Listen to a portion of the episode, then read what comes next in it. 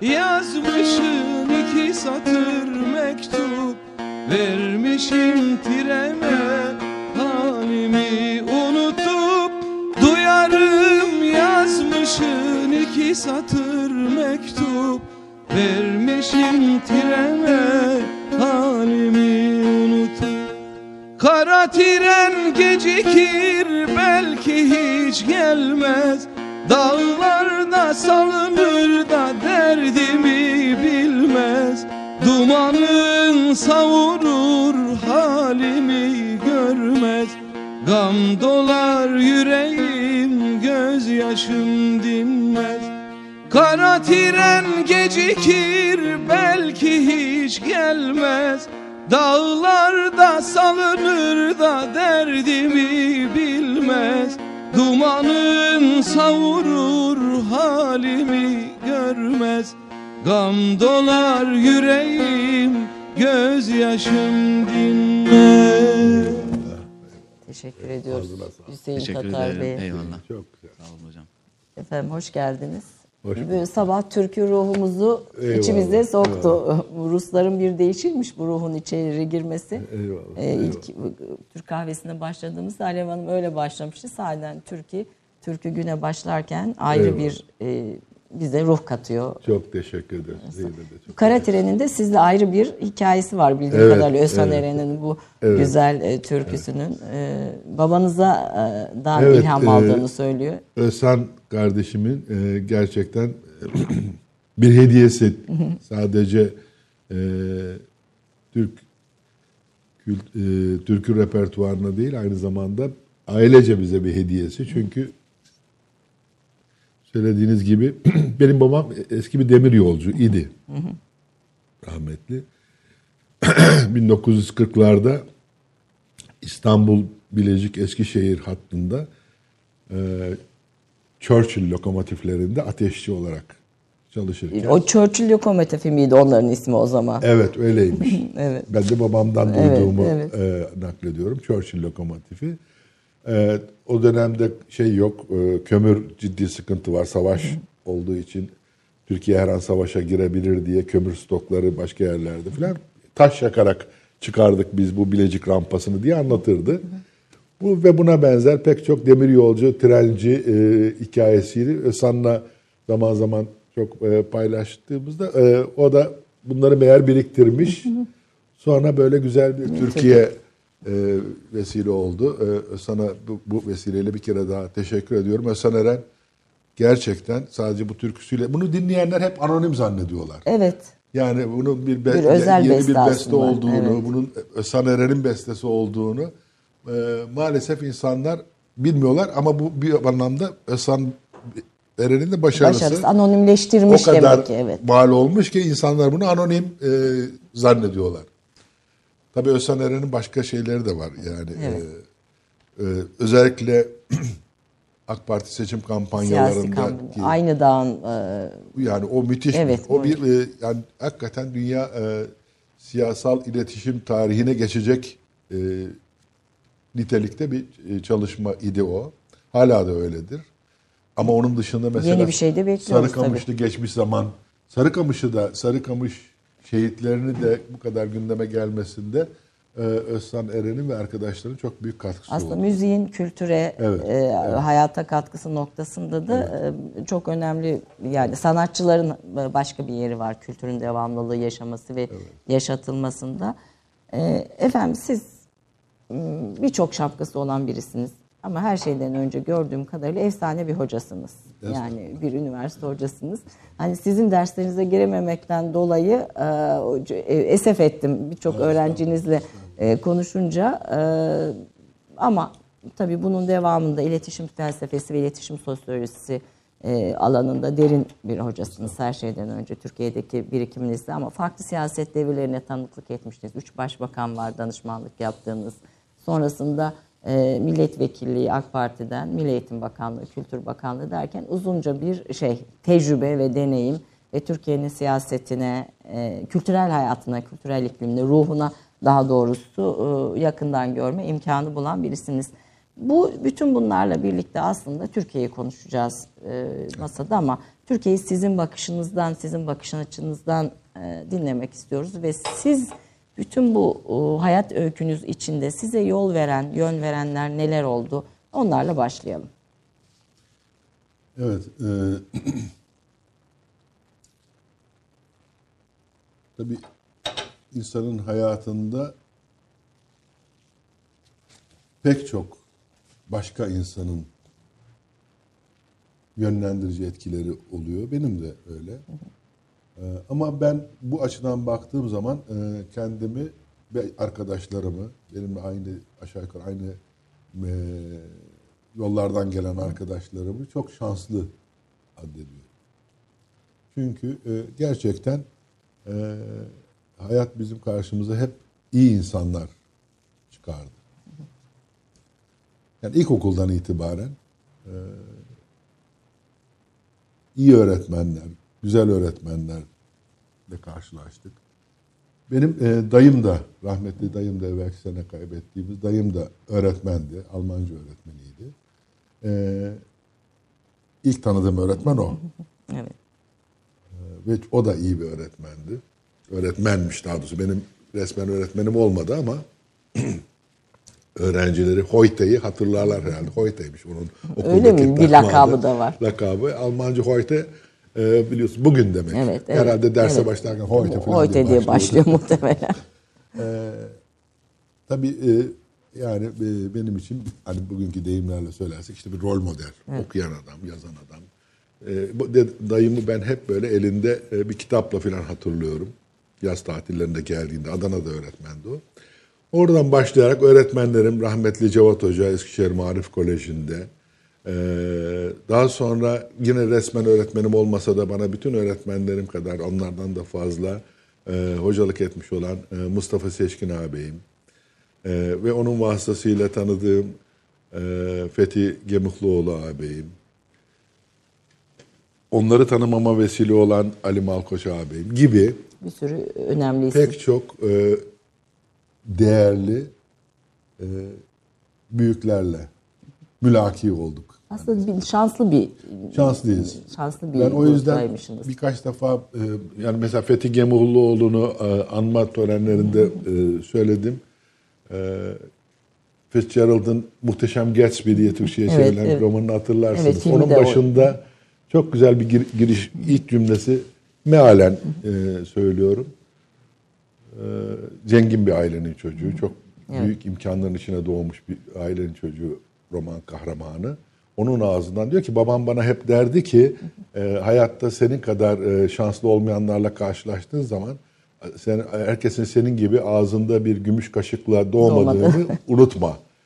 Biz hakikaten e, o manada, manevi manada e, ağzımızda gümüş kaşıkla doğmuş olmalıyız ki kader hep bu e, insanları, bu büyükleri bizim karşımıza çıkardı.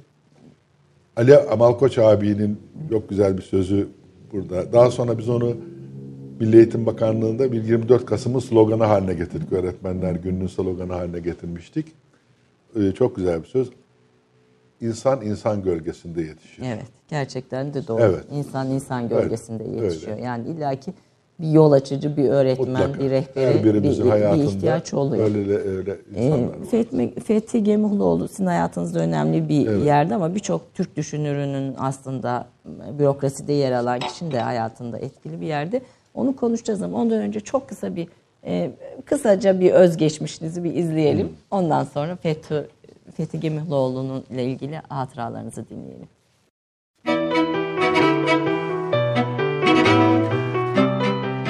Nabi Avcı Bilecik doğumlu. Orta öğrenimini Eskişehir Maarif Koleji'nde yaptı. Orta Doğu Teknik Üniversitesi İdari Bilimler Fakültesini bitirdi. Üniversite öğrenciliği sırasında Yeni Devir gazetesinde Enes Harman ismiyle yazmaya başladı. Deneme ve Gelişme dergilerinin kurucuları arasında yer aldı. Fethi Gemihluoğlu'nun girişimiyle Kültür Bakanlığı'nda memuriyete başladı. Yeryüzü yayınlarını kurdu. Uygarlık tarihi, iletişim sosyolojisi ve felsefesi ders çalışma alanları içinde yer aldı. Hasan Celal Güzel'in Milli Eğitim Bakanı olduğu dönemde bakan danışmanlığı yaptı. Yıldırım Akbulut ve Turgut Özal'a danışmanlık yaptı. Recep Tayyip Erdoğan'ın İstanbul Belediye Başkanlığı seçim kampanyasında çalıştı. Kanal 7 televizyonunun kuruluşunda bulundu. 360 derece programını hazırlayıp sundu. Kısa bir dönem Yeni Şafak gazetesinde yayın yönetmenliği yaptı. Bu dönemlerde Bombacı Parmenides, Kitle Kültürü ve Enformatik Cehalet, Görgü Kuralları, Ailenin İletişim Kılavuzu isimli kitaplarını yazdı. Akademik kitaplarının yanı sıra Rene Guénon, Martin Lings ve Seyit Hüseyin Nasr eserlerini Türkçe'ye çevirdi. Molla Kasım takma adıyla mizah yazıları yazdı. 1998'de Asaf Savaş Akat'ın davetiyle Bilgi Üniversitesi'ne geçti. New York'ta yayınlanan gazeteyi de okudu, çete fanzinli de. Doğu ve Batı ayırmadan entelektüel dünyanın kapılarını öğrencilerine açtı. Derslerini dinlemek bulmaca çözmekten, film seyretmek ve hafiye romanında katili bulmaktan daha zevklidir sözü öğrencilerine aittir. Muazzam kitap bilgisi ve kuvvetli hafızasıyla en cins yazarları, şairleri ve kitapları öğrencilerine okuttu. Kurşun Kalem sempatizanı olarak nam saldı. 2003-2011 arasında Başbakanlık Danışmanlığı ve UNESCO Türkiye Milli Komisyonu Başkanlığı görevlerini yürüttü. 2011'de Eskişehir Milletvekili olarak parlamentoya girdi. Milli Eğitim, Kültür, Spor ve Gençlik Komisyonu Başkanı olarak çalıştı. 2013'te Milli Eğitim Bakanlığı'na atandı. Milli Eğitim Bakanlığı'nda Türkiye ortalamasının üzerinde bakanlık yaptı. Kedisi Pamuğa makamında yer verdi. 2016-2017 arasında Kültür ve Turizm Bakanı olarak görev yaptı. Her çalıştığı yerden ayrılışında vedalaşmaların ilmini yaptı. Çok iyi düzeyde İngilizce, orta düzeyde Almanca bilen avcı, Semra Hanım'la evli ve beş çocuk babasıdır.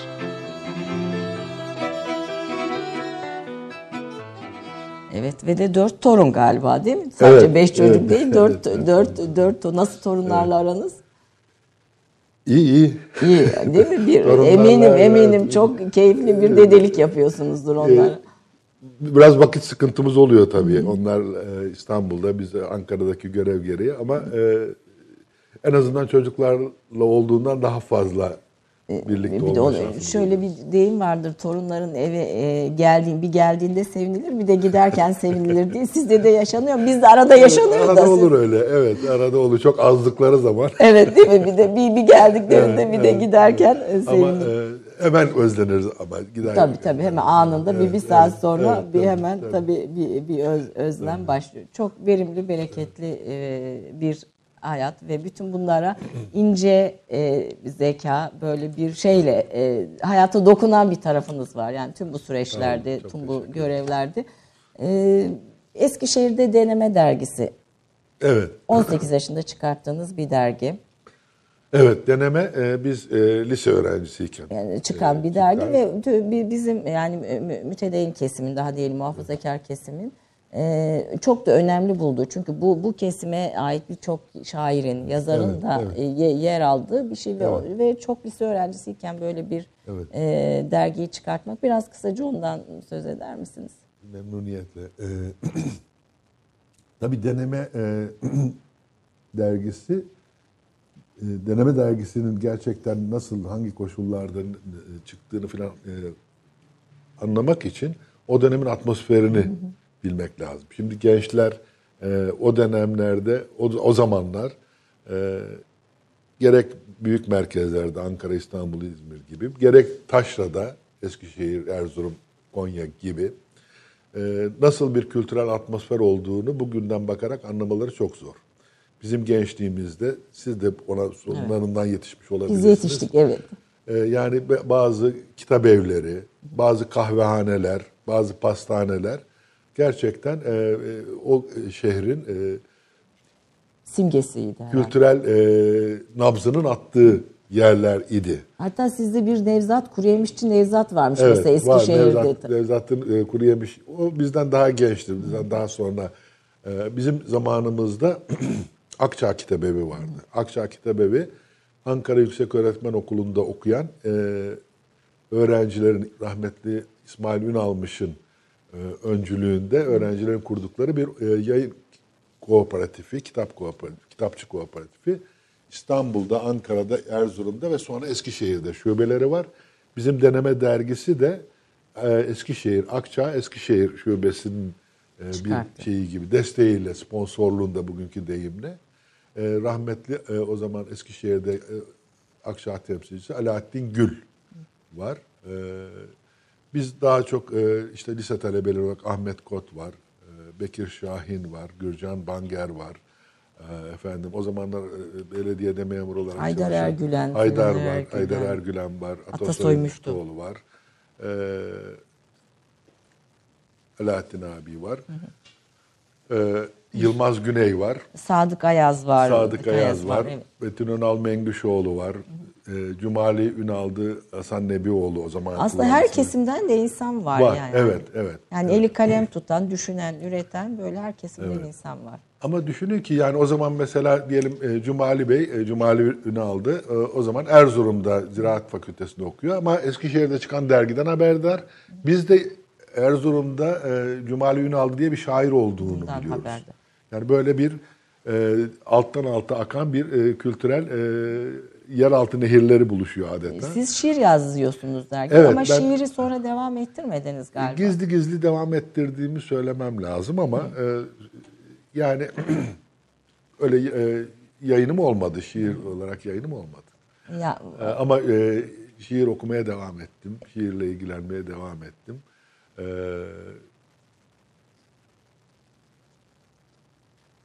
yani o kadar ama yazmalı yani belki yayınlarsınız şiirleriniz. Ben tabii devam ettim deyince siz kitap tavsiyesi e, çok da yapan bir Evet. e, entelektüelsiniz Estağfurullah, E, estağfurullah. ve bu şeyde hani bir, bir tavsiye ettiğiniz şairler var mı diye Var. devamda gelecek de Var. ona ona ona durakladım. Evet. Ona ona geldim. e, var. En başta Cahit Koyta e, herkese Söyleyelim, tavsiye selam ederim. edelim buradan da Cahit Evet buradan da inşallah e, çok selam ediyorum. E, inşallah yürüyüşte değildir. Onun yürüyüşleri meşhur. Öyle mi? Sabah evet. mı çıkıyor? Biz onunla komşuyuz. E, bizim karşımızda böyle bir park bir, bir yer var. Orada e, yürüyüş parkuru da var. E, her gün orada e, sistemli olarak yürüyor ve yürürken kitap okuyor. Yürürken okuyor. Bu da zor evet, bir şey. Evet. Ben de ona diyorum ki e, Cahit'ciğim e, yürürken kitap okuman çok çok takdire şayan ama kitap okurken yürüme lütfen. e, Cahit Koytan e, biliyorsunuz ilk Atlas'tan sonra uzun bir e, fetret veya en azından okuyucular açısından uzun bir e, hasret dönemi oldu. Ama sonra birden gürül gürül akmaya Son başladı. yılında O bakımdan e, Cahit Koyta her yaştan, her me- e, meşrepten okuyuculara hararetle tavsiye ediyorum. Başka? başka da çok var ama e, Ama şimdi Cahit Evet. Koytak bu şeyde. Ee, bir deneme dergisi bir yani bir kültürel atmosferini anlamak noktasında bizim için önemliydi o dönemin sizin yetiştiğiniz iklimin. Evet. Ee, onun devamında e, İsmet Özel tabii bir başka şaire gelerek İsmet Özel'le bir tanışmanız var. Onun bir kitabının kapağını yapıyorsunuz hatta. Ee, e, evet Cinayetler kitabı İsmet Özel'le Ankara'da daha sonra ODTÜ'de okurken e, Erdal e, kullandığı isimde Erdal Alova e, vasıtasıyla tanıştık. Erdal Alova ile onlar eski arkadaşmışlar. Biz de Erdal'la e, ODTÜ'de e, tanıştık. Sonra e, işte ben e, Erdal Alova'ya Erdal, Erdal e, Bayraktar o zaman şeyi ama Alova olarak biliyor kamuoyu şimdi şairi. Deneme dergisinde yayınlanmak için e, yayınlamak üzere ondan bir çeviri istemiştim. Kierkegaard'ın e, günlüklerinden yanlış hatırlamıyorsam.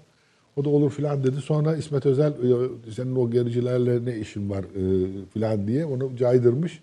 O vesileyle tanışma şeyi o. Yani duyuş, duyuşma, tanışma değil.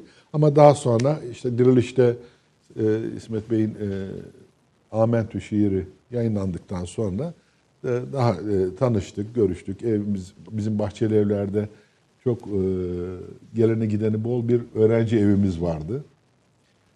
Bir kültür merkezi gibi de aynı zamanda. E, işte o zamanlar e, şimdi de biraz biraz var onlar ama o zamanlar daha çok vardı. Öğrenci evleri, böyle bekar öğrenci evleri aynı zamanda tam dediğiniz gibi birer kültür Merkezi. merkezi, merkezi gibi çalışırdı. E, Dolayısıyla bizim evimizin de öyle bir şeyi olmuştu bahçeli evlerde. Nuri Pakdil, Rasim, Rasim Özdenören e, falan gelirlerdi. Zaman zaman teşrif ederlerdi. E, o da e, o vesileyle orada da e, Mehmet Ragıp Karcı şair. E, böyle bir e, çevre içerisinde. Onunla da o zaman İsmet Özel e, Çıdam Yayınları adı altında bir yayın evi kurup kitabını yayınlatmak, yayınlamak istediğinde e, biz de o zaman işte o zaman kitap kapakları şimdiki gibi böyle fontlar, bilgisayar falan şey yok. Letresetle yapılırdı. Evet. E, Ahmet Kot'la birlikte öyle bir kapak yaptığımızı hatırlıyorum. Siz ama bu kitap kapaklarına da önem veren birisiniz. Evet, evet. Yani e, enformatik cehalette de yine mesela bu, bu eski bir baskı tabii. Bu Özkul Özkul Eren'in e, mi? kapağıdır. Buradaki evet, Özkul bu Eren'in kapağı. su içen ba- e, Evet, şey. o çok e, yani balık. kitabın muhtevasına hani deyim yerindeyse cuk oturan bir e, illüstrasyon. Sizin e, e, enformatik cehal tabii ben- ben hani 90'lı yıllarda e, bu bunlar bizim için büyük bir hazine gibiydi. Yani siz işte İsmet Özel'in şiirleri e, yayınlanan dergiler, kitaplar vesaireler çünkü e, o kitle iletişimiyle Türkiye yeni tanışmıştı daha o dönemin içinde ve televizyon daha doğrusu yani TRT'ye daha erken girse de özel kanallarla birlikte ve biz bu şeye nasıl bakacağız? Yani bu cihaza nasıl bakacağız? Bir taraftan e, kendi fikir dünyamız var ama öbür taraftan da bir başka kültür endüstrisinin bombardımanı var falan. Bütün bu süreçlerde enformatik cehalet sahiden bir e, klasiktir yani herhalde. E, şimdi yazacak olsanız e, herhalde adını ne koyardınız diyeyim.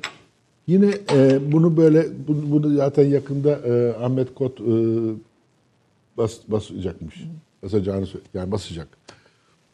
Ama e, ben bunun zeyli gibi buna ilave, buna ek, bunun devamı gibi biraz da böyle espriyle karışık. Diyorum ki bundan sonraki bunu tamamlayan bunun mütemmim cüzü e, enformatik zır cehalet. Enformatik bence de çok yakışır. Evet. Çünkü bu enformatik cehalet sizin de söylediğiniz gibi işte henüz televizyonun Yeni, e, yeni yani. yeni böyle e, ortalığı sarmaya başladığı, e, klasik e, iletişim mecralarının hala e, bir şekilde hükmünü icra ettiği gazeteler, dergiler vesaire e, filan.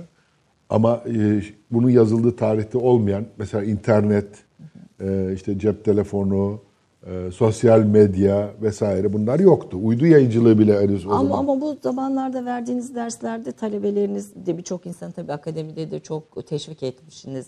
Sizden yetişen çok insan var.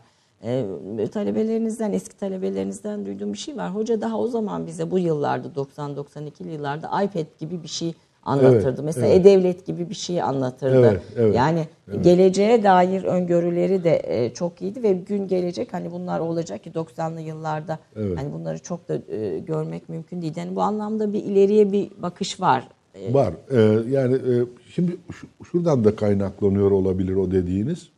Bu kitabın e, ham maddesini oluşturan çalışma çalışmalar e, 1987'de yanlış hatırlamıyorsam e, ben o zaman o biyografide de söylendiği gibi e, rahmetli Hasan Celal Güzel Milli Eğitim Bakanı iken onun danışmanı idim. Ve o tarihlerde e, Avrupa Eğitim Bakanları konferansı, iki yılda bir toplanan Avrupa Eğitim Bakanları konferansı İstanbul'da toplanacaktı. Ve e, İstanbul'daki toplantının ana teması da e, enformasyon teknolojileri ve eğitim sistemleri üzerine etkileri idi. Hasan Bey de bana e, Türkiye Milli Raporunu hazırlama görevini vermişti. Her ülke o konferansa bir ulusal rapor hazırlıyor. Türkiye Milli Raporunu da siz hazırlayın dedi. Biz de üniversiteden bir grup arkadaş, e, Deniz Bayraktar Anadolu Üniversitesi'nden, yine Anadolu'dan e, Nezih e, Erdoğan, Ülkü Köymen Çukurova Üniversitesi'nden, Cemalettin Taşçı Anadolu Üniversitesi'nden böyle bir grup arkadaşla genç akademisyen ekip olarak Türkiye Milli Raporunu hazırlamıştık. Tabii o vesileyle e, enformasyon teknolojilerinin ne durumda, nereden geliyor, nereye gidiyor. E, hatta yine o tarihlerde Hasan Bey bizi e, Amerika'ya bir e, ne denir ona? Keşif gezisine bilgisayar Amerikalılar davet etmişler. O da bizi göre, görevlendirdi. Rahmetli Özal bir Milli Eğitim Şurası'nda Türkiye 1 milyon bilgisayar alacak deyince Amerikalılar birden böyle Heyecana geldiler. Biz satar mıyız acaba? Gösterelim size diye. Hasan Bey de bizi gönderdi. Daha mesela o zaman bu şeyler, e, diskler, CD'ler, Siyah küçük karelerdi herhalde. o kareler e, böyle şey takılıp çıkarılan e, şeyde disketler de yeni yeni araştırılıyor. Bize o zaman e, gittiğimiz e, şeyde onu gösterdikleri zaman dediler ki işte bu böyle bir şey üzerinde çalışıyoruz. Bunu tam e, geliştirdiğimiz zaman e, bütün Ansiklopediya Britannica buna sığacak. Yani işin hacminin ne büyük olacağını göstermek için verdikleri ölçü de Yani evet. 15 cilt- 12 ciltlik bir ansiklopedi. Hani bugün Dev bizim bir ansiklopedi ama. o, o zaman için inanılmaz bir şey. Bütün bir ansiklopediya Britannica'yı buna yükleyeceklermiş. Dehşetiyle dinliyoruz biz de onları. Sonra şimdi filmler yükleniyor, kütüphaneler, Kütüphaneler yükleniyor. yükleniyor. Dolayısıyla o zaman okuduklarımız, duyduklarımız, gördüklerimiz de hani öğrencilerin e, hoca bunlar da olabilir diyordu.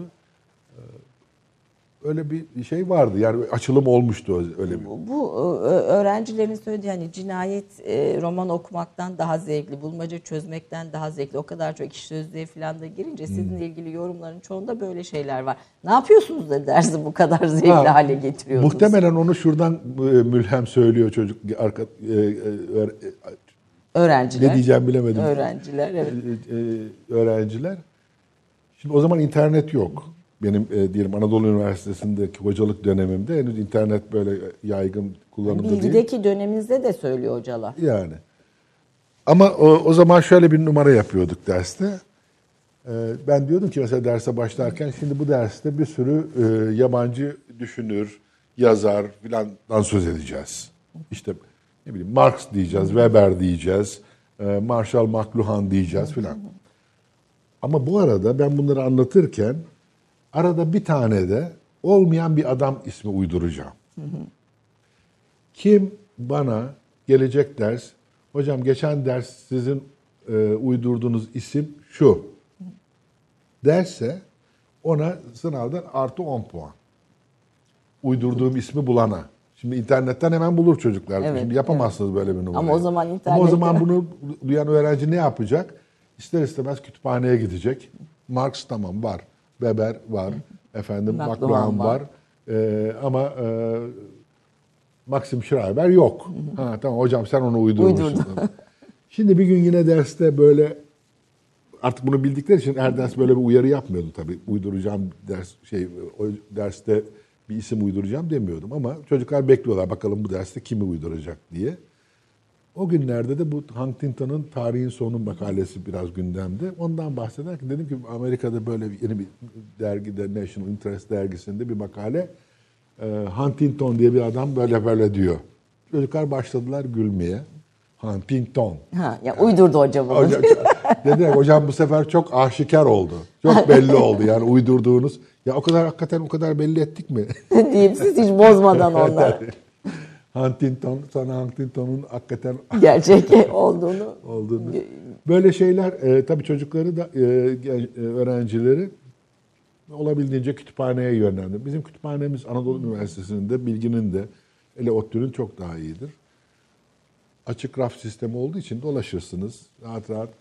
Ve böyle açık raf sistemli kütüphaneleri dolaşmanın bir faydası da siz de bilirsiniz. Aradığınız kitabı değil, Başka bir aramadığınız bir şey. kitabı bulur. Asıl ondan yararlanırsınız. Ben en çok taşınmaları da severim bu nedenle. Ha, Aramadığım birden. o onlarca kitabı bulup. Tabii, tabii. Ee, bir- reklam arası vereceğiz. Ondan sonra da bir türküyle devam edeceğiz. Ee, fa- fakat bu öğrencilerinizin anlattığı bir şey var. Çok güldüm. Ee, tabii şey de yapıyorsunuz anladığım kadarıyla. Yani çocukların akıllarını karıştırmak e, için bir sürü şey de her şeyi değiştirdiler. Hiçbir şeyi değiştirmemek için diye bir söz söylüyorsunuz. Sonra bunu ben mi söylemiştim, Marx mı hatırlamıyorum diyorsunuz. Hakikaten filan.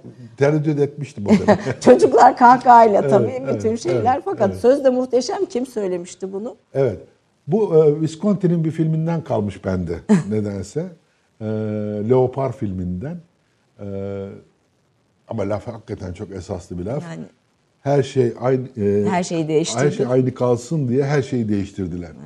Ben bunu e, o dönemde yani o dönem dediğim 80'li yılların sonlarına doğru 12 Eylül ile ilgili, 12 Eylül darbesiyle ilgili olarak Tempo dergisi bir soruşturma yapıyordu. Yani 12 Eylül'de ne oldu? Türkiye'de ne değişti? Ne, ne değişti diye. Bunu bana da sordukları zaman ilk aklıma gelen de bu olmuştu. Yani 12 Eylül'de her şey aynı kalsın diye Her şeyi, her şeyi değiştirdiler. değiştirdiler. Evet. Ee, hakikaten baktığınız zaman da çok oturuyor 12 Eylül'e yapılanlara Evet. ve yapılmayanlara. Ama bu hikayenin bir devamı var. Onu da Buyurun. anlatayım mı? Şimdi bu, bu öyle her şey aynı kalsın diye her şeyi değiştirdiler. Bizim kulakları çınlasın Ömer Dinçer dostumuz e, başbakanlık müsteşarı iken bakanlıktan önce müsteşardı biliyorsun ve çok başarılı bir müsteşarlık yaptı hakikaten. E, bir kamu yönetimi reformu hazırlamıştı. Evet, evet. Bizzat biraz da ben de Bütün e, kurbağaları ürküten, bütün e, arı kovanlarına çomak sokan e, dehşetli bir e, reform projesi, kamu yönetimi reformu. Hatta bir e, hafta sonu, pazar günü e, dedi ki, e, ben de o gün Ankara'da kalmışım. İkimiz de aslında İstanbul'da oturuyor ama gitmemişiz. E, dedi ki ya bizim reform tasarısını ben bugün dedi askerlere anlatacağım. E, Genelkurmay'a gideceğim. Onlara da e, onlarla ilgili bölümlerle özellikle neler yapılacak. 2005 falan gibi söyle 2004-2005'li yıllar Evet. muhtemelen. 2004 falan herhalde. Beraber gidelim mi dedi. Gittik. İlker Başbuğ ikinci başkandı yanlış hatırlamıyorsam. Bizi bir kor generalin başkanlığında bir heyetle muhatap kıldılar. Ee, daha doğrusu bizi dedim yani ben yancıyım. Ee, Ömer Dinçer anlatıyor. Asıl ben sunucu başka. Asıl o anlatıyor.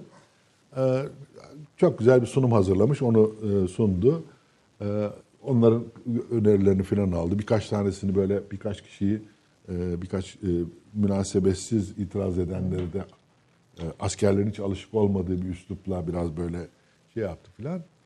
Ee, sonra çıkınca nasıl oldu dedi şey sunuşum. Dedim geçmiş olsun senin şey bitti. Kamu yönetimi reformu. Niye ya ne kadar güzel hem güzel oldu diyorsan.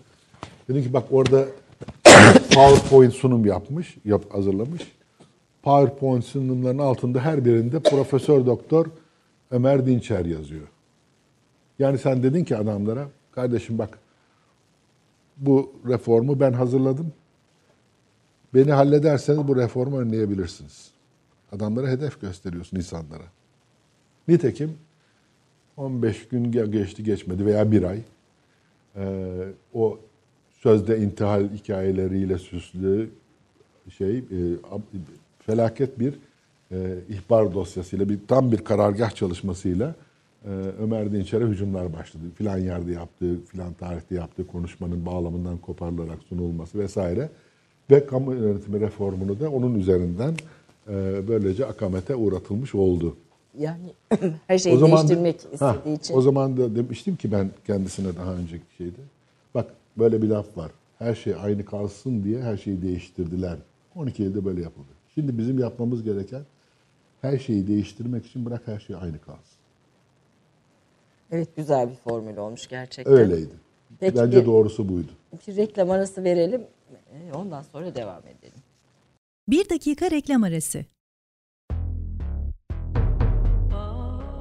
Romandan şiire, tarihten düşünceye, klasik metinlerden özel edisyon çalışmalarına kadar geniş bir yelpaze ve yüksek bir frekanstan yayın yapmayı hedefleyen Ketebe, şimdiden Türk kültür hayatında kalıcı ve önemli bir yer edindi. Edebiyatımızın seçkin eserlerine, genç kalemlere, tarihimizin engin zenginliğine, dünya edebiyatının hem güncel hem de klasik metinlerine, düşünce dünyamızın, maneviyat tarihimizin köşe taşlarına ve gün yüzüne çıkmamış değerlerine ev sahipliği yapmak, Ketebe'nin yayın politikalarının omurgasını oluşturuyor. Dünya standartlarında bir yayıncılık anlayışı ve deneyimli kadrosuyla yola çıkan Ketebe yayınları, kitaba, kağıda ve söze hürmet eden bir medeniyetin parçası olarak her şey geçer, yazı kalır diyor. Reklam arası sona erdi.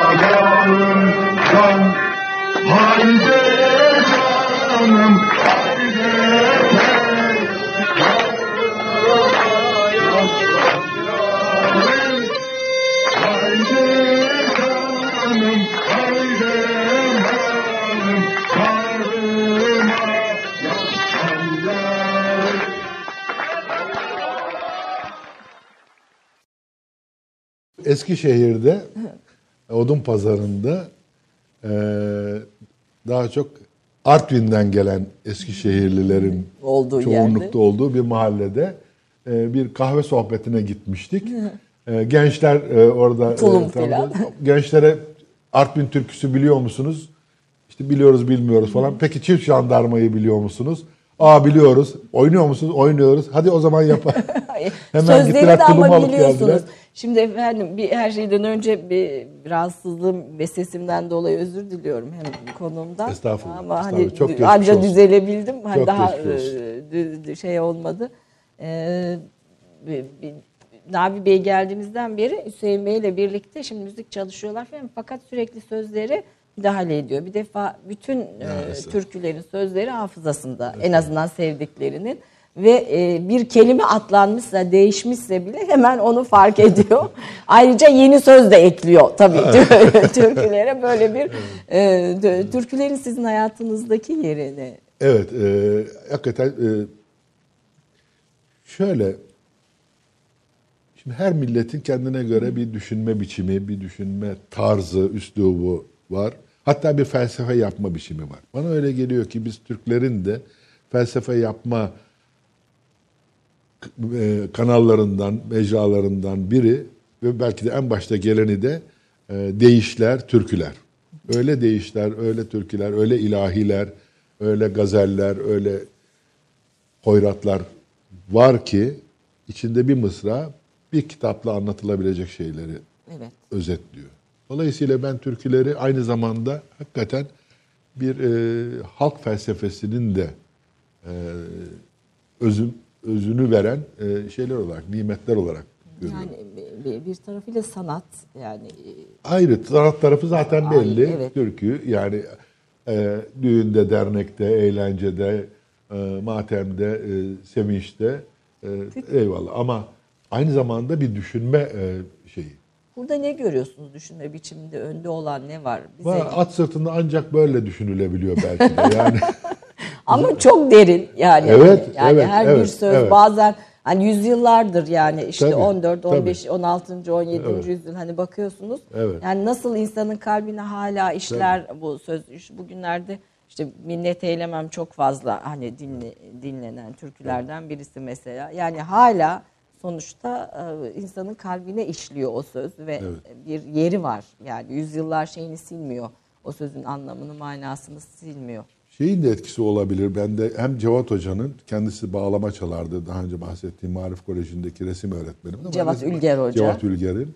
E, o çok güzel bağlama çalardı ve çok güzel de söylerdi. Emirdağ türkülerini falan da çok güzel söylerdi. E, onun şeyi var tabii. Hatta onun e, heveslendirmesiyle bir dönem cura çalmaya da heves ettik ama beceremedik. E, Ama Fethi kulağınız, abinin- kulağınız Ha, iyi. dinlemeyi Cevat Hoca'dan işte e, öğrendik. Yani e, Fethi abinin Türkiye olan muhabbeti bizi tabii şey yaptı. E, hatta bu vesileyle şimdi bir buradan bir e, şey yapalım. E, Gömühlüoğlu'na. Fethi abi e, Ankara'ya geldiği zaman Türk Ocağı'nda genellikle sohbetler oluyor. O sohbetler işte Mehmet Akif İnan rahmetli e, filan orada. E, şeydi o zaman orada e, ve zaman zaman e, Nur abinin e, klasik Batı Taklit. müziği şeylerine karşı e, alttan altta muhalefet yürüten e, Mehmet Ragıp Karcı'nın bağlaması var. E, Mehmet e, Ragıp Karcı e, şairliğiyle bilinir ama aynı zamanda iyi bir e, bağlama virtüözüdür. ben de ona, ona duraladım evet. Evet. Evet. E, bağlama şeyi çok iyidir. E, hatta e, epeyden beri e, bir kitap üzerinde çalışıyor. Türkü dinleme kılavuzu. Hmm, çok güzel. Yani türkü nasıl dinlenir? Aslında bunun da bir adabı olmalı. Tabii. Var Tabii, mıdır? Nasıl tabii, dinlenilir? Vardır. Vardır. İşte onu e, Mehmet Ragıp Karcı O yazmadan olarak- veya onun Yok onun alanına onun alanına girmiyorum ama en azından e, sessizce dinlemeyi pek e, bu yakınlarda e, beceremediğimizi de e, itiraf edelim. Yani e, kendim için de söylüyorum. Özellikle böyle bazı toplu yerlerde filan e, müzik icra edilir. Ben o yüzden mesela yemek müziğini bir türlü sevemedim. Yani siz orada yemek yiyorsunuz ve birileri oradan Biz- bir şey evet. söylüyor. Yani O pek var- bir türlü oturmuyor Evet, kafamda müzik ama özellikle dinlenir Tabii, ve sessizde ve bir adabı var yani bunun türkünün.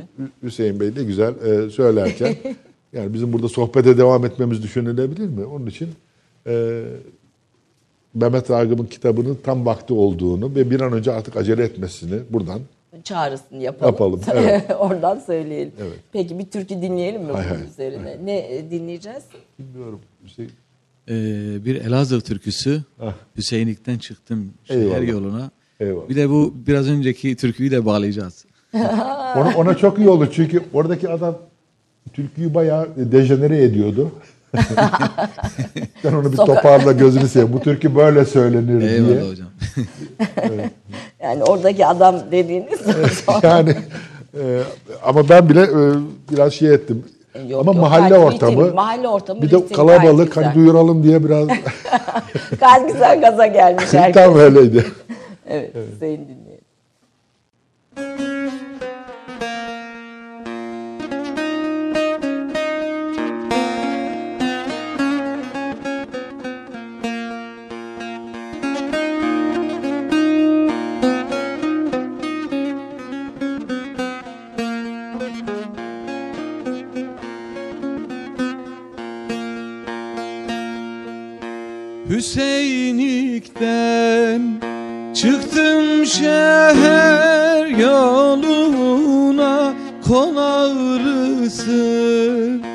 Tesir etti canıma yaradanım.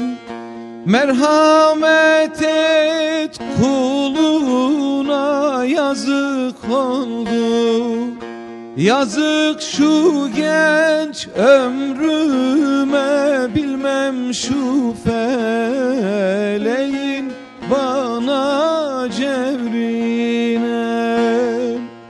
Yazık oldu. Yazık şu genç ömrüme. Bilmem şu feleğin bana cevrine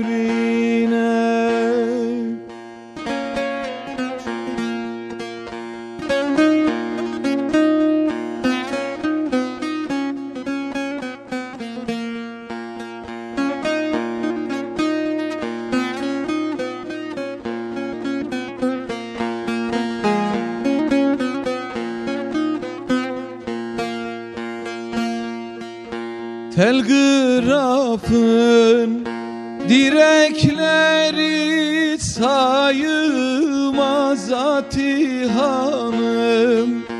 Baygın düşmüş ayılmaz böyle canlar.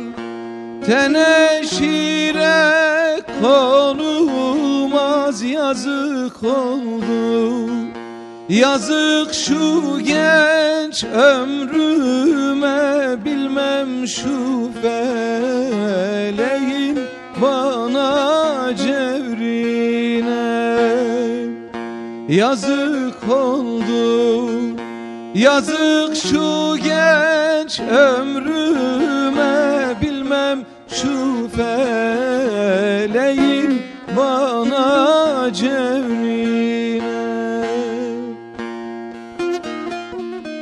Çift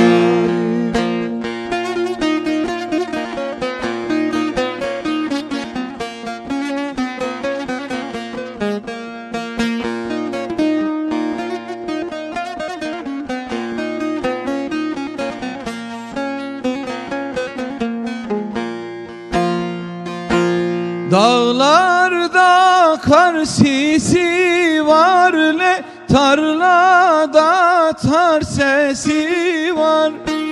Dağlarda kar sisi var le Tarlada tar sesi var. Kurban olam şavşat ale içinde yar sesi var Kurban olam. Şavşat ale içinde yar sesi var. Hayle canım vayle canım Şinana yaslan yarim. Hayle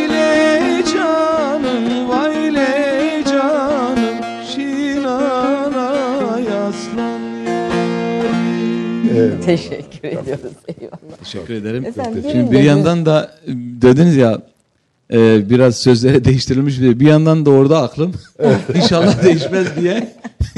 Sen Artvin'i diyecektin az kalsın. Orada bir tereddüt ettin galiba. O da olurdu ama. O, Artvin'e de, o da herhalde Evet. olur. Birinde hüzün, birinde neşe ve Evet, işte- iyi bağladı Hüseyin de, Evet, tam gayet yani. hüzünle ve şeyi birbirine yoksa çok pazar güzel günü çok bağladı. damardan gidiyorduk. yani ağzına İkisi de bir arada. Fakat ilginç mesela aşık geleneğinde ve bütün bu türküleri anonim oluşturanların birçoğu da erkek sanatçılar aslında yani. Hani Evet. Baktığımızda fakat hani erkek kadın toplumun tamamını kuşatan bir ortak duygu e, da veriyor, zemini de oluşturuyor. Bu da bu da enteresan bir şey türkülere dair. Evet, evet. Çok Yani- kuşatıcı, Evet. çok kapsayıcı, her yere nüfuz ediyor. Her meşrebe hitap ediyor. İşte o yüzden yani milli. Milli ve Evet, öz- evet, siz mi- milli kelimesine takan birisiniz hocam bildiğim kadarıyla. Milli kelimesini Kültür Bakanlığı'nda çalışan pek çok dostum var. Sizinle ilgili e, sorduğumda milli kelimesini söylediler. Şapkasına E, o- yazışmalar. yani orada çok gerekli. E, bu e, izafet eklerinde falan e, şapka hele hele Milli Eğitim Bakanlığı'nda e, öteki türlü e, kulakları çınlasın şimdi e,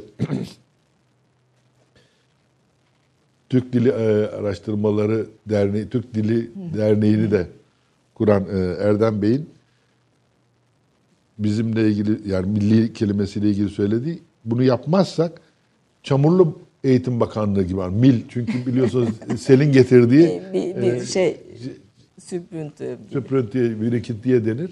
Dolayısıyla milli eğitim bakanlığı milli olur. Halbuki siz millisiniz. Evet biz milliyiz. Onun için şapkaya e, birçok şeyde böyle halada mesela ayırmak. Aynı şekilde Ha-. Şimdi tamam biz eski yani daha önce Türkçeyi düzgün konuşan insanlara yetiştiğimiz için e, öyle de yazılsa böyle de yazılsa doğru telaffuzun ne olduğunu az çok biliyoruz. Yani kulak hafızamız ona yetiyor henüz. Ama yeni Ama yeni kuşaklar hele bu televizyon e, Türkçesiyle e, ve mesela şeyde de benzer bir şikayet yavaş yavaş gelmeye başladı. Bilmiyorum ben tabii ki Kürtçe bilmediğim için ama TRT Kürdi, Kürdi'nin de e, Kürtçe telaffuz konusunda daha dikkatli olması gerektiğine Gerekiyor dair şey var. evet. E, bizim de tabii e, Türkçe'de de aynı şey söz konusu. Bir de tüm ve bütün et galiba mesela. Ha bir de o var. tüm şu tüm kelimesi tüm aslında bildiğim kadarıyla Farsçadan. Muhtemelen şey yapılmış ben de bilmiyorum kökenini. Şimdi tüm çocuklar tüm parçalanabilir nesnelerin bütünlüğünü ifade etmek için kullanılan bir sıfat.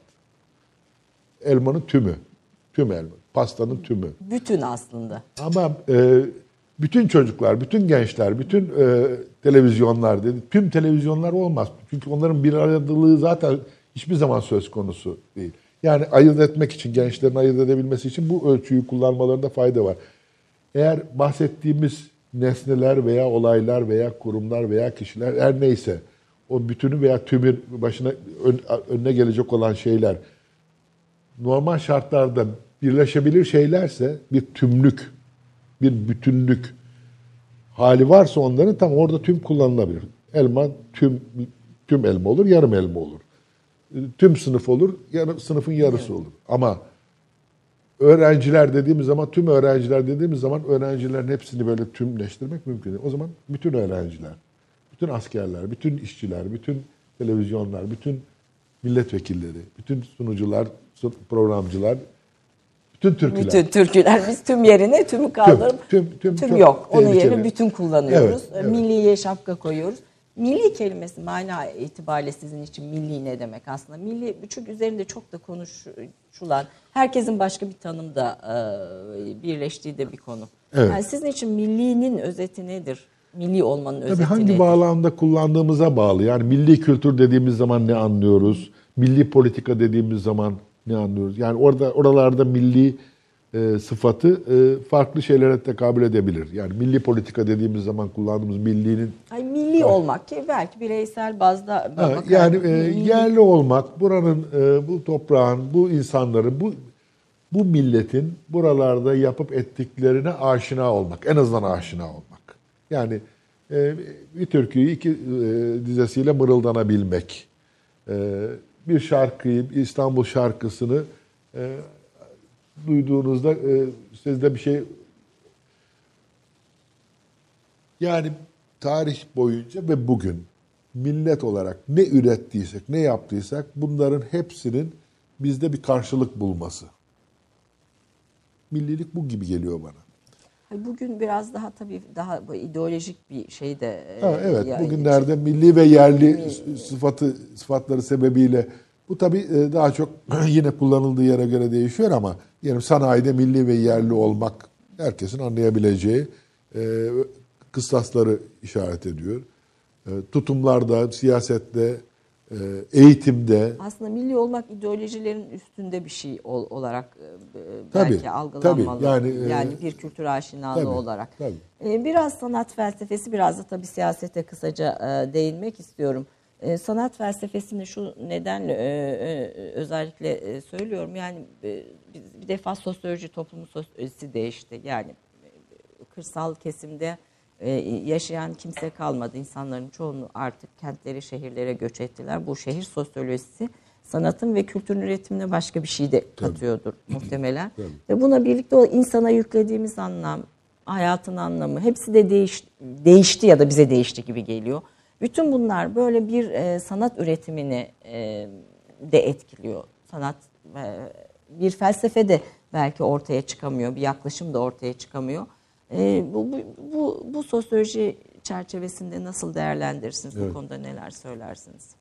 Şimdi tabii e, dediğiniz çok doğru. Yani Türkiye Ya ortak estetik algımız kalmadı mı desek artık ne diyelim ya da bunu sadece bize mahsus bir e, sendrom gibi de görmemek lazım. Yani bütün dünyada böyle. Tamam başka yerlerde e, özellikle bu yatay hareketlilik yani kırdan kentlere, e, kırsaldan e, kentsele göç vesaire gibi şeyler bizdeki kadar dramatik ve e, şey geniş kapsamlı yaşanmadı. Ama buna rağmen e, dünyanın her yerinde artık e, o e, hani bir şey koptu benden bozulması. şey, her Evet. şeyi tutan bir şey. Diyor ya rahmetli Necip Fazıl, bu sadece bizde olan bir şey değil. Bir şey koptu, her şeyi tutan bir şeyler kopuyor. Dünyada bu kopuşma her yerde var. Ha biz biraz daha e, bütün bu e, küresel gelişmelerin çok da ortasında bir yerde kaldığımız için bugüne mahsus bir şeyden bahsetmiyoruz. Yani e, bir, Birinci Dünya Savaşı'ndan beri Bir burada- yüzyıllık maziden. 100 yıllık hatta Tanzimat'tan beri yaşadığımız hikayeye baktığımız zaman e, hakikaten e, bizim başımıza gelen pişmiş tavuğun başına gelmedi. O bakımdan ben bunu aynı zamanda e, bizim e, dayanıklılığımızın da bir göstergesi olarak olumlu tarafından da değerlendirmek gerektiğini düşünüyorum. Yani tamam çok büyük e, travmalar yaşadık. E, dediğim gibi yani bir başka milletin başına gelseydi bu kadar büyük alt üst oluşlar e, askeri, siyasi, kültürel, e, e, iktisadi Bitmeyen hercümer, travmalar yani. e, bellerini doğrultamazlardı. Bakın Almanlar e, hala İkinci Dünya Savaşı'ndan sonraki işgalin ve şeyler yaşadıkları şeyini atabilmiş değiller. Alman gençleri e, bizim e, gençler kadar kendi filmlerini seyretmiyorlar. Kendi müziklerini dinlemiyorlar. Eğer bütün bu yaşananlara rağmen bugün Türkiye'de hala işte Türkçe gayet güzel televizyon programları yapıyorsak, gençlerimiz bu kadar güzel türkülerle e, meşgul olabiliyorlarsa, icra edebiliyorlarsa, e, Türkçe ile bu kadar güzel romanlar, şiirler yazılıyorsa, filmler çekiliyorsa, oyunlar oynanıyorsa, eğitim yapılıyorsa, bu Türkçenin bütün bu e, alt üst oluşlarda ra rağmen yaşadı, e, ayakta kalma direncinin ne kadar yüksek olduğunu Gösteriyor. gösteriyor. Dolayısıyla evet e, köyden kentlere göç var.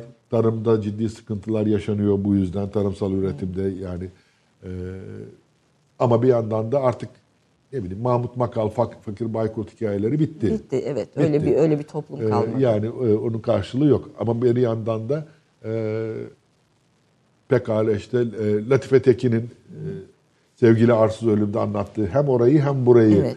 E, şey yapan.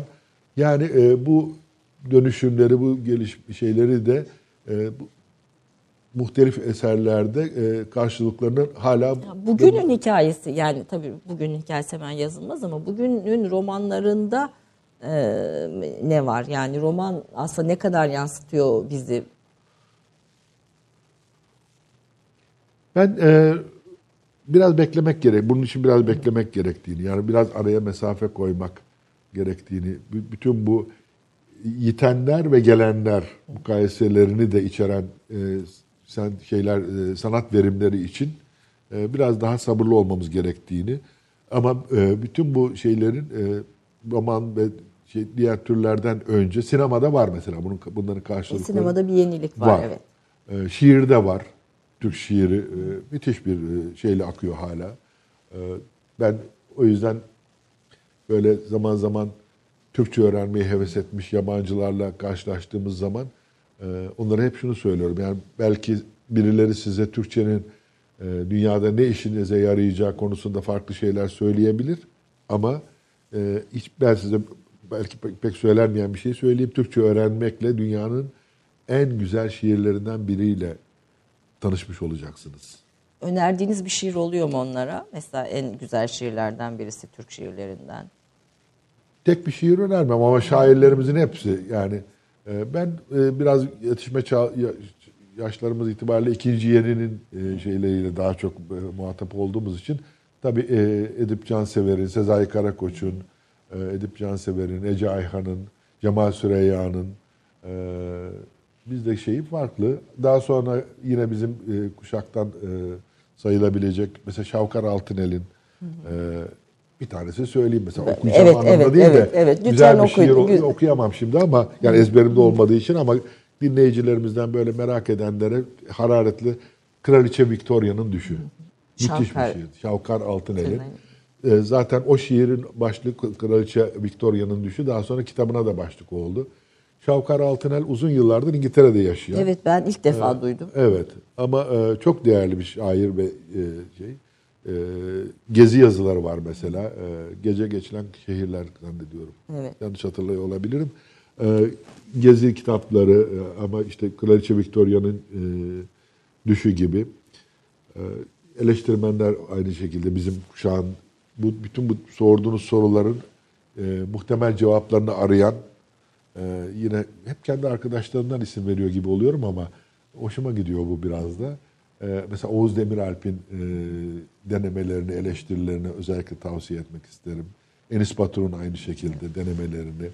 Ee, Enis Batur'un şiirine ben nüfuz edemiyorum. Ee, orada derin bir şeyler olduğunu hissediyorum ama ben nüfuz edemiyorum ama denemeleri konusunda e, rahatım e, tavsiye ederken. Ee, dediğim gibi Cahit Koyta zaten söyledik. Bir de özellikle e, siyasetle ve e, sivil toplum faaliyetleriyle uğraşan gençlerimize e, bazı konuşmalarda, bazı e, beyanlarda e, çok fazla arabeske kaçtığımız Uyarısını. gözlemiyle Nurullah Ataç'ı okumalarını öneriyorum.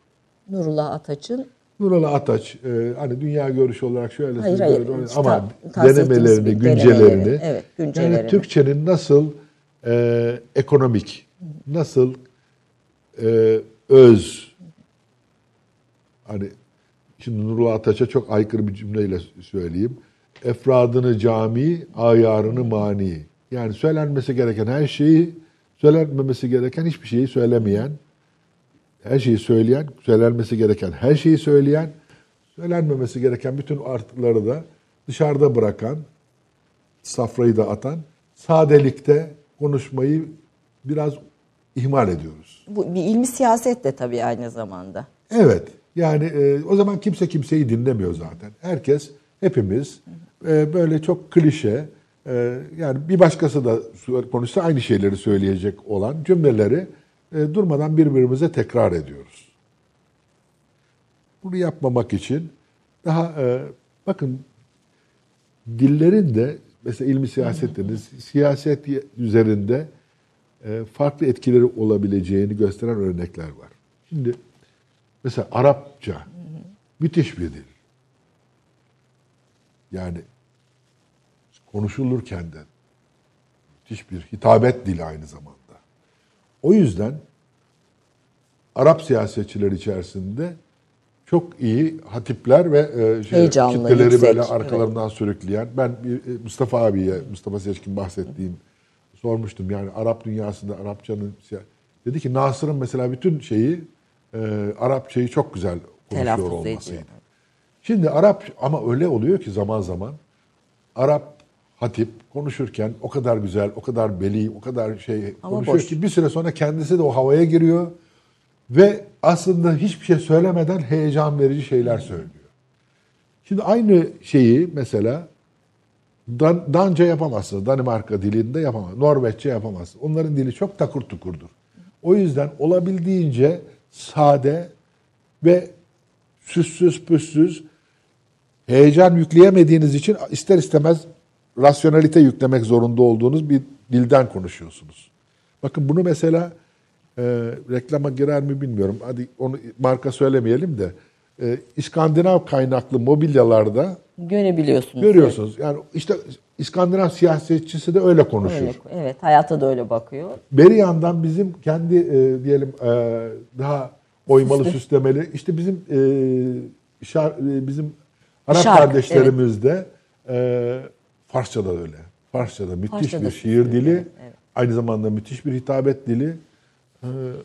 Or- orada da onu hissediyorsunuz. Orada da onu Peki. Türkçeyi bunun, bunun ortasına nereye Türkçe koyayım? bu- tam bunun ortasında. E, Hem rasyonalitesi var. Hem rasyonelitesi var hem e, e, Duygusu var. Duygusal şeyi var. Ama birinden birine fazla e, abanmamak lazım. Biz son zamanlarda e, Türkçenin duygusal e, yönüne fazla Ya, aman. ağır abanmaya başladık. Peki bir reklam arası verelim. Reklam arasından sonra biraz daha siyaset konuşmak istiyorum. Çünkü bu ilmi siyaset önemli bir şey. Bu tecrübelerden faydalanalım. Efendim kısa bir reklam arasından sonra Türk kahvesinde buradayız. Bir dakika reklam arası. Romandan şiire, tarihten düşünceye, klasik metinlerden özel edisyon çalışmalarına kadar geniş bir yelpaze ve yüksek bir frekanstan yayın yapmayı hedefleyen Ketebe, şimdiden Türk kültür hayatında kalıcı ve önemli bir yer edindi. Edebiyatımızın seçkin eserlerine, genç kalemlere, tarihimizin engin zenginliğine, dünya edebiyatının hem güncel hem de klasik metinlerine, düşünce dünyamızın, maneviyat tarihimizin köşe taşlarına ve gün yüzüne çıkmamış değerlerine ev sahipliği yapmak, Ketebe'nin yayın politikalarının omurgasını oluşturuyor. Dünya standartlarında bir yayıncılık anlayışı ve deneyimli kadrosuyla yola çıkan Ketebe yayınları, kitaba, kağıda ve söze hürmet eden bir medeniyetin parçası olarak her şey geçer, yazı kalır diyor. Reklam arası sona erdi.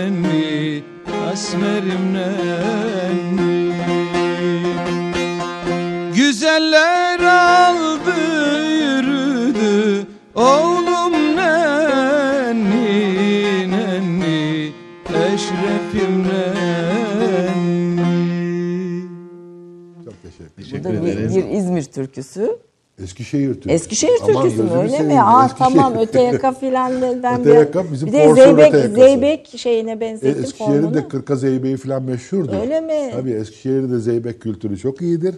Bu türkü tam Eskişehir türküsüdür. Öte yakaya geçelim dediği Porsuk Porsun öbür Öbür sarı suyun öte tarafında. Atlara yonca biçiyoruz. Evet tabii tam o, Yani, o bölgelerin. Tabii, tabii. Ee, siz Zeybek oynar mısınız? E, oynarım. Oynar. Nereden öğrendiniz? Onları bizim rahmetli Cevat hocamız e, biraz önce bahsetmiştik resim Cevat. Ülgener ve bir de hocanız. e, e, yine köy enstitüsü mezunu e, Hasan Saltan isimli müdür yardımcımız ve beden eğitimi öğretmenimiz. Her 19 Mayıs'ta okullar hani çıkardı eskiden. E, işte kimisi böyle çemberlerle gösteriler yaparlar. İmam Hatipliler kule yaparlar. Evet. En sonunda bayrak. Bizim okulda çıkar zeybek oynardık. Biz çıktığımız zaman tribünler coşardı. Çünkü hakikaten çok güzel zeybek oynardık. Ee, Harmandalı oynardık. Pamukçuköy Bengisini oynardık. Kırka Zeybeği oynardık. Ee, bizim 19 Mayıs'lardaki gösterimiz vesilesiyle ama e, Harman Dalı'nda e, hoca beni epey şey etmiştir, e, zorlamış. Çünkü oyunun sonunda oyun biter. Evet. Efeler, e, bakın yine aynı hatayı yapıyorum. Kuşaktan tabancayı çeker, havaya bir yere ateş eder. Evet. Şimdi bütün e, takım e, oyun oynayanlar sağ elleriyle şeye çekerken ben solak olduğum için buradan çektiğim için bütün göz şeyi estetiği Bozardı. Ee, Aslında bir hocanın e, bir, bir Evet, kültürün öğretilmesinde evet, evet, etkisi çok büyük. Evet. Yani öğretmeni yeniden e, keşfetmek, Tabii. önemli hale getirmek gerekiyor. Çok çok yönlü birisiniz. Tabii ki böyle bir programda bunların hepsini konuşmaya e, vak- vakit yok. Milli Gazete Zaman, Yeni Şafak gazeteleri Evet. kuruluşunda bulundum. Evet. Zaman Ankara'da çıkan bölümünde. Büyük Orayı biraz tahsiye etmekte fayda var. Çünkü zaman zaman sosyal medyada da işte Zaman Gazetesi'nin kurucusu falan Ha, filan. yok, Şimdi değil. şöyle. Zaman Gazetesi el değiştirmiş bir gazetedir. Yani bizim çalış bizim kuruluşunda bulunduğumuz e, gazeteyle daha sonra Fethullahçıların el koyduğu gazete ayrıdır. Yani Ankara'da çıkan gazete bizim çıkardığımız gazetedir. Sonra İstanbul'a taşı Fethullahçılar tarafından gazete el konulup, satın alınıp, ortaklar tasfiye edilip İstanbul'a taşındıktan sonra Başka hatta orada bile bir geçiş dönemi var. Orada da kısa bir dönem Mehmet Şevket Eygi'yi e, istihdam ettiler. Yani kısa bir dönem onun üzerinden o geçişi yaptılar. Sonra tamamen kendi gazeteleri haline getirdiler. Aslında e, FETÖ'nün bu medya yapılanması Evet. bir tarih e, çerçevesinde konuşmakta başka bir Evet, zaman evet. fayda Çok olabilir. çok Çünkü o süreçler ve o geçişler Tabii. hepimizin tanık olduğu ve Evet. hani ne oluyor, niye böyle oluyor diye Aynen. anlam veremediğimiz Evet, bir sürü e, işlerle ortaya çıkan süreçlerdi. Evet. Ama üç gazete mütedeyyin kesimin, muhafazakar kesimin e, hayatında Milli Gazete'de yine aynı şekilde Kısa oldu. Milli Gazete'deki şeyimiz kısa oldu. Ama iyi oldu çünkü hakikaten yaptığımız en güzel gazetelerden biri oldu. O üç ay özellikle Özkul, Özkul Eren'in tasarımıyla e, çok güzel bir gazete olmuştu. evet ama o kısa sürdü. Çok kısa sürdü. Sonra Kanal 7 televizyonu yine Evet, ve, ben tabii çalışmaya başladığımda e, o dönemlere kısmen tanım ve bir efsaneydiniz sonuçta hepiniz konuklarınız yaptığınız işte Özkul Eren'in tabii burada büyük bir e, Çok, e, çok. şeyle Yani televizyon estetiğine Evet. Özkul Eren'in getirdiği e, soluk e, keşke kalite bu- diyelim Evet, aslında evet, kalite. evet, kalite. yani hani Tabii, bir tabii, görsel tabii. kaliteyi e, e, Kanal 7 çünkü herkesin küçümsediği bir e, şeydi çıktığında bir yayın organıydı işte Evet, evet. kimse gelmek istemezdi filan fakat o Özkul Eren'in o dokunuşu Evet. o sizlerin entelektüel camianın dokunuşuyla orası başka bir şeye dönüştü. Aslında görsel tasarımın da bu estetik Tabii, tarafının tabii. e, ne kadar önemli olduğunu ortaya göz e, ortaya koyuyor. Detayı e, Özal hayatınızda önem yani tanıdığınız birisiydi kısmen de Evet. belki çalıştığınız birisiydi. Çok kısa Özal'dan biraz Özal ne yaptı Türkiye'de veya sizin için ne ifade ederdi? Özal e, hani siyaset mümkün olanın sanatıdır diye bir tabir var ya, Evet. bir laf var. E, onun ne kadar doğru olduğunu en iyi gösteren örneklerden birisi rahmetli Özal'dır. Yani e, düşünün ki e, çok e, köklü, hani biraz önce söylediğimiz gibi her şey aynı kalsın diye her şeyi değiştiren bir askeri darbe rejiminin üzerine yeniden demokratik e, parlamenter sistemi inşa etmek gibi bir sorumlulukla görev almış. Türkiye ayrıca ağır bir iktisadi buhranın üzerine e, bunları yapmak zorunda kalmış. E, pek çok ön yargının ve vesayet düzeninin hala sürdüğü, şiddetle sürdüğü bir ortamda milletin önünü açmaya çalışan e, milletin adamı. Özal bu. Dolayısıyla Özal'ı o dönem birçok arkadaşımız Özal'ın yaptıklarını, o koşullarda yapabildiklerini işte çok kendi kafalarındaki ideale uzak buldukları için e, eleştirenler falan çok oluyordu. Ama bugünden baktığımız zaman e, onun hangi engellere rağmen nasıl bir engelli koşuyu, nasıl güzel koştuğunu e, bugün buradan baktığımız zaman daha güzel görüyoruz. Daha iyi görüyoruz. Ee, Tayyip Erdoğan'la tanışmanız 1994'lü yıllar yani ilk 92, şey, 93, 93, evet. seç, yerel Evet, evet, dönem evet. seçim. Yani nasıl oldu o süreç ve siz onun kampanyasında seçim kampanyasında e, çalıştınız, bulundunuz. Biraz da o o günleri Evet, dinleyelim. Tayyip Bey, Tayyip e, Bey'le e, Sayın Cumhurbaşkanımız şimdi nasıl bahsedeceğimizi Evet, evet. E, ama o günkü e, Ama onun, onun size sıfat- hürmetinin çok büyük olduğunu biliyoruz hepimiz de. E, o günkü sıfatları itibariyle konuşur olursak e, İstanbul İl Başkanı olarak Tayyip Bey'le benim tanışmam 93'tür. Tabii biz onu duyuyorduk daha önce. Hani e, İstanbul'da öyle e, yepyeni bir e, teşkilat modeli geliştirmiş. E, Yenilik. kadınları Evet. siyasetin içine katmış. Tabii hepimiz kadın kollarını e, birdenbire çok öne çıkarmış, hareketlendirmiş. E, genç bir siyasetçi olarak şöhreti Eskişehir'e ve başka yerlere gidiyordu. E, beni e, benim bizim tanışmamız e, Özkul Eren vasıtasıyladır. Özkul Bey'le onlar daha önce tanışıyorlar. Hüseyin Besli, e, o zaman Tayyip Bey'in e, danışmanı yine.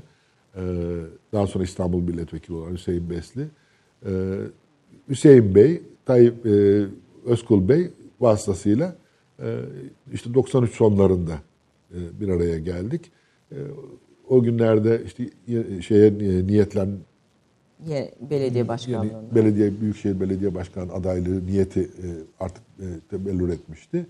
E, birlikte kampanyayı bu- bu süreci birlikte yönetelim şeyi memnuniyet. Ben de o zaman Eskişehir'de üniversitede hocaydım. E, ama gelip gide, gitme imkanımız vardı. Eskişehir'de bir süre burada bir kamp dönemiyle. Neydi o sırada- dönemin sloganı hatırlıyor musunuz? Efendim? O dönemin sloganını hatırlıyor musunuz? Neydi? Ee, o dönemin sloganı İstanbul Eminellere vardı. Ee, böyle gelmiş böyle gitmez vardı. Böyle gelmiş böyle Ee, gitmez. Erkin Koray'ın e, Şarkısı. şarkısını e, onun da ilginç bir hikayesi var. Yani Erkin Koray'la o zaman biz bunu seçim e, şeyi e, parti şarkısı haline getirmek için e, konuştuğumuzda istediği fiyatı veremeyeceğim. tabii. Çok yüksek bir şey istiyor. O zaman çok büyük imkansızlıklarla yapıldı Tabii tabii. Ama sonra bizimkiler onu çoğaltmışlar. Nevşehir'e giderken arabanın önünde bir bakmış konvoy gidiyor ve bunu şarkı, bu şarkıyı çalarak gidiyor. Bu ezgiyi. Hemen oradan aradı bir istasyondan bir yerden. Tamam anlaş.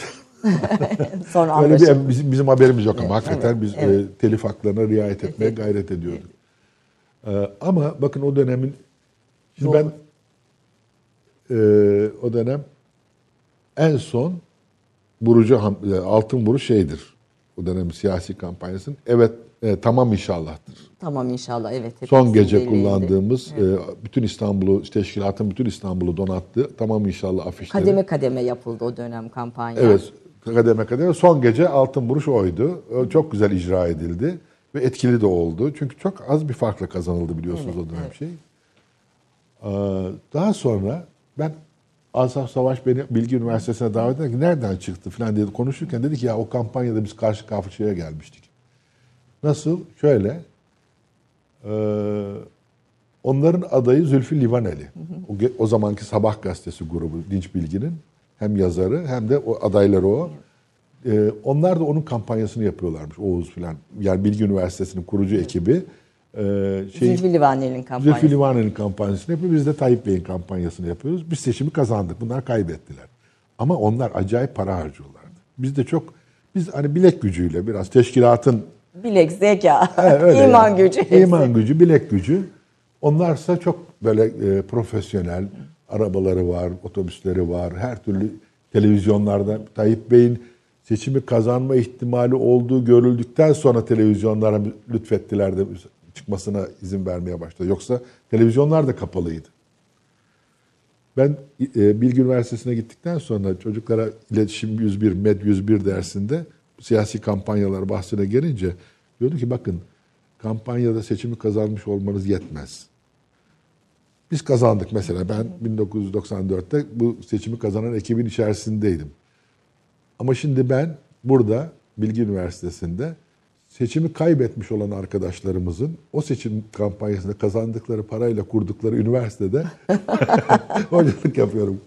Kimin yanında kaybettiğiniz, kimin yanında kazandığınıza dikkat edin. Diye, Evet. Espri olsun diye. Tabii e, Tayyip Bey'in böyle be- ben de tabii e, e, tanıdığım ve bildiğim için bu konularda e, iletişimle ilgili ilginç yorumları vardır. Var mıdır sizin böyle karşılaştığınız anıları?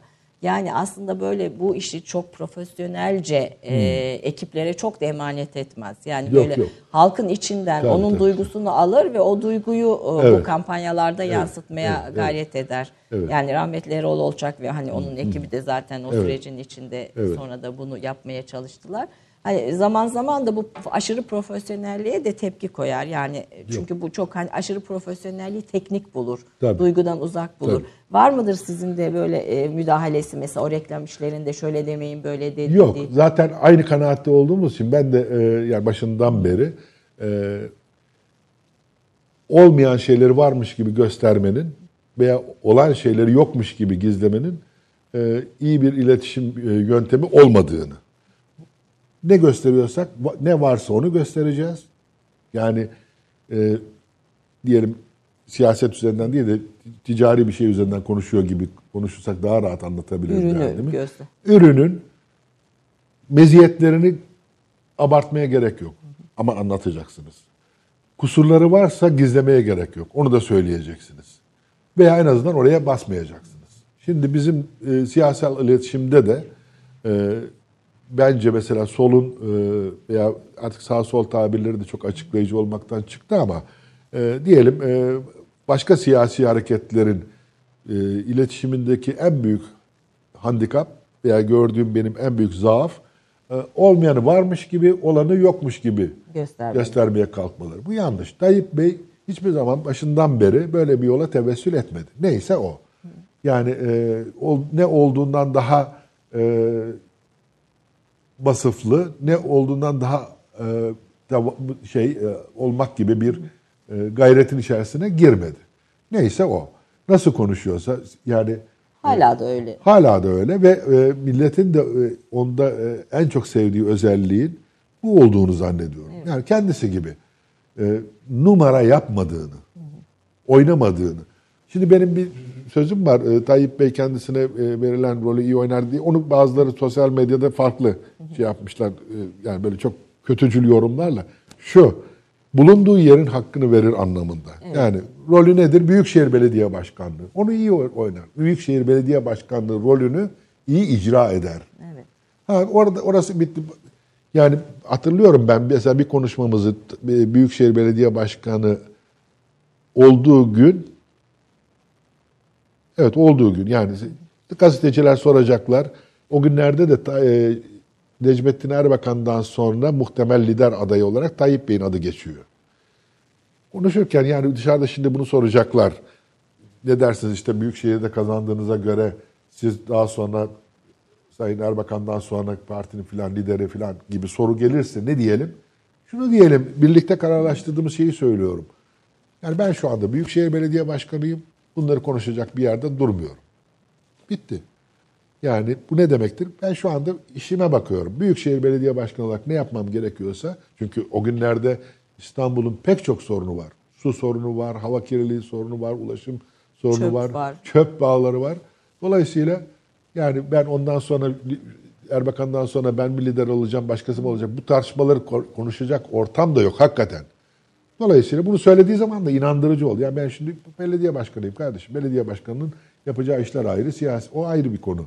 Şu anda onu düşünecek durumda Aslında ben ilmi siyaset yine tabii. 4 Yani yıl boyunca o zaman 4 yıldı zannediyorum. 4 yıl boyunca İs- İstanbul'un Büyükşehir Belediye Başkanı olarak görev aldım. Onu yapacağım. Gerisiyle uğraşmam demiş oldu. Dedi yani bunu. Doğrusu da budur.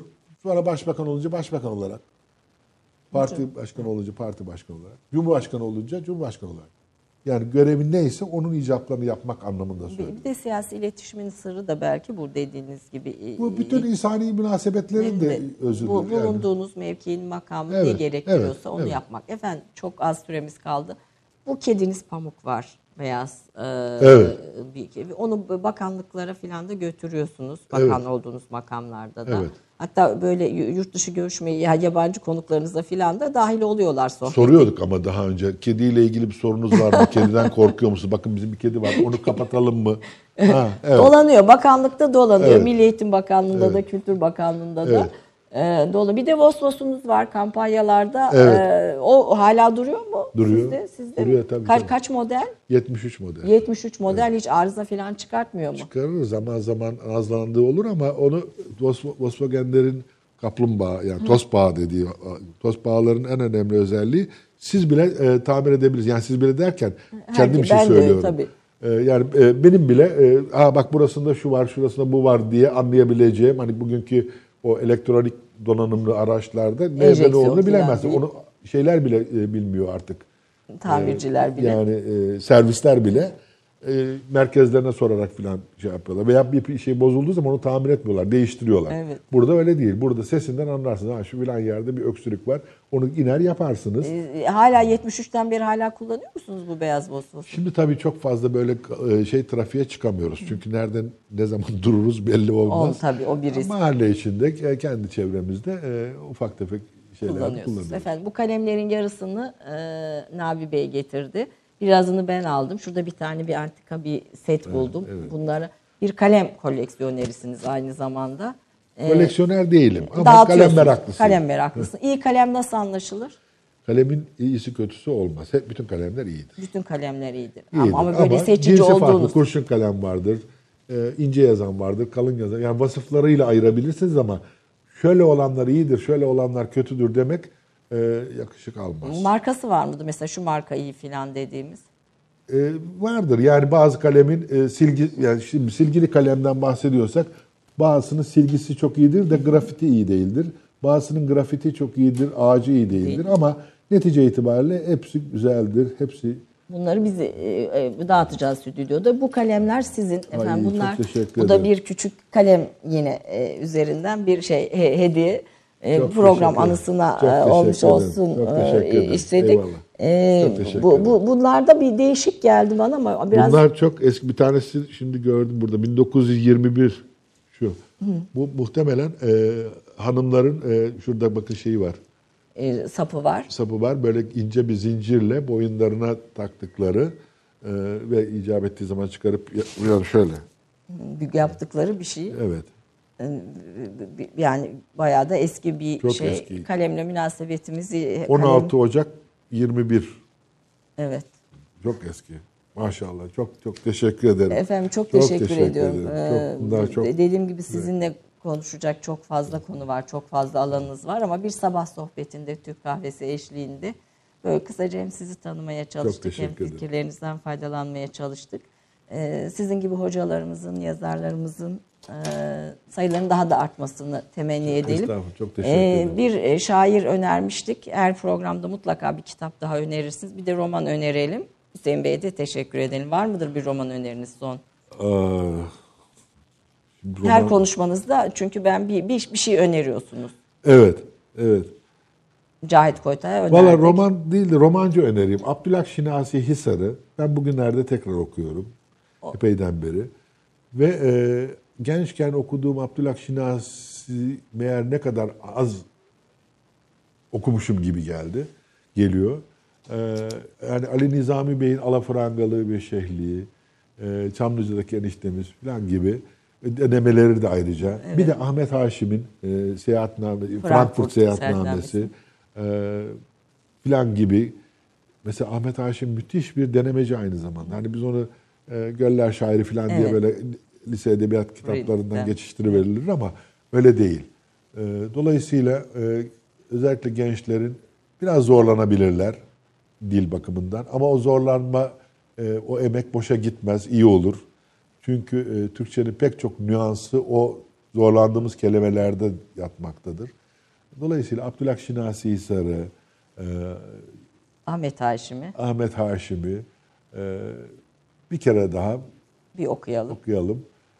E, Murat Menteş'i gençler için özellikle tavsiye ediyorum. Çok da seviliyor. Dili de çok yani e, uygun. Murat Menteş e, artık biraz külliyat oluştu.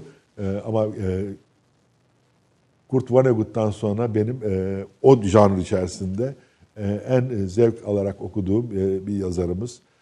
Onun için çok hararetli gençlere de Murat Menteş'in Tavsiye e, ederim. romanlarını tavsiye E, ederim. Abdülhak Şinasi, Ahmet Haşim'i onları da gençlere tavsiye Onları da gençlere Gençlere- tavsiye ederim. evet. onları- Şöyle söyleyelim.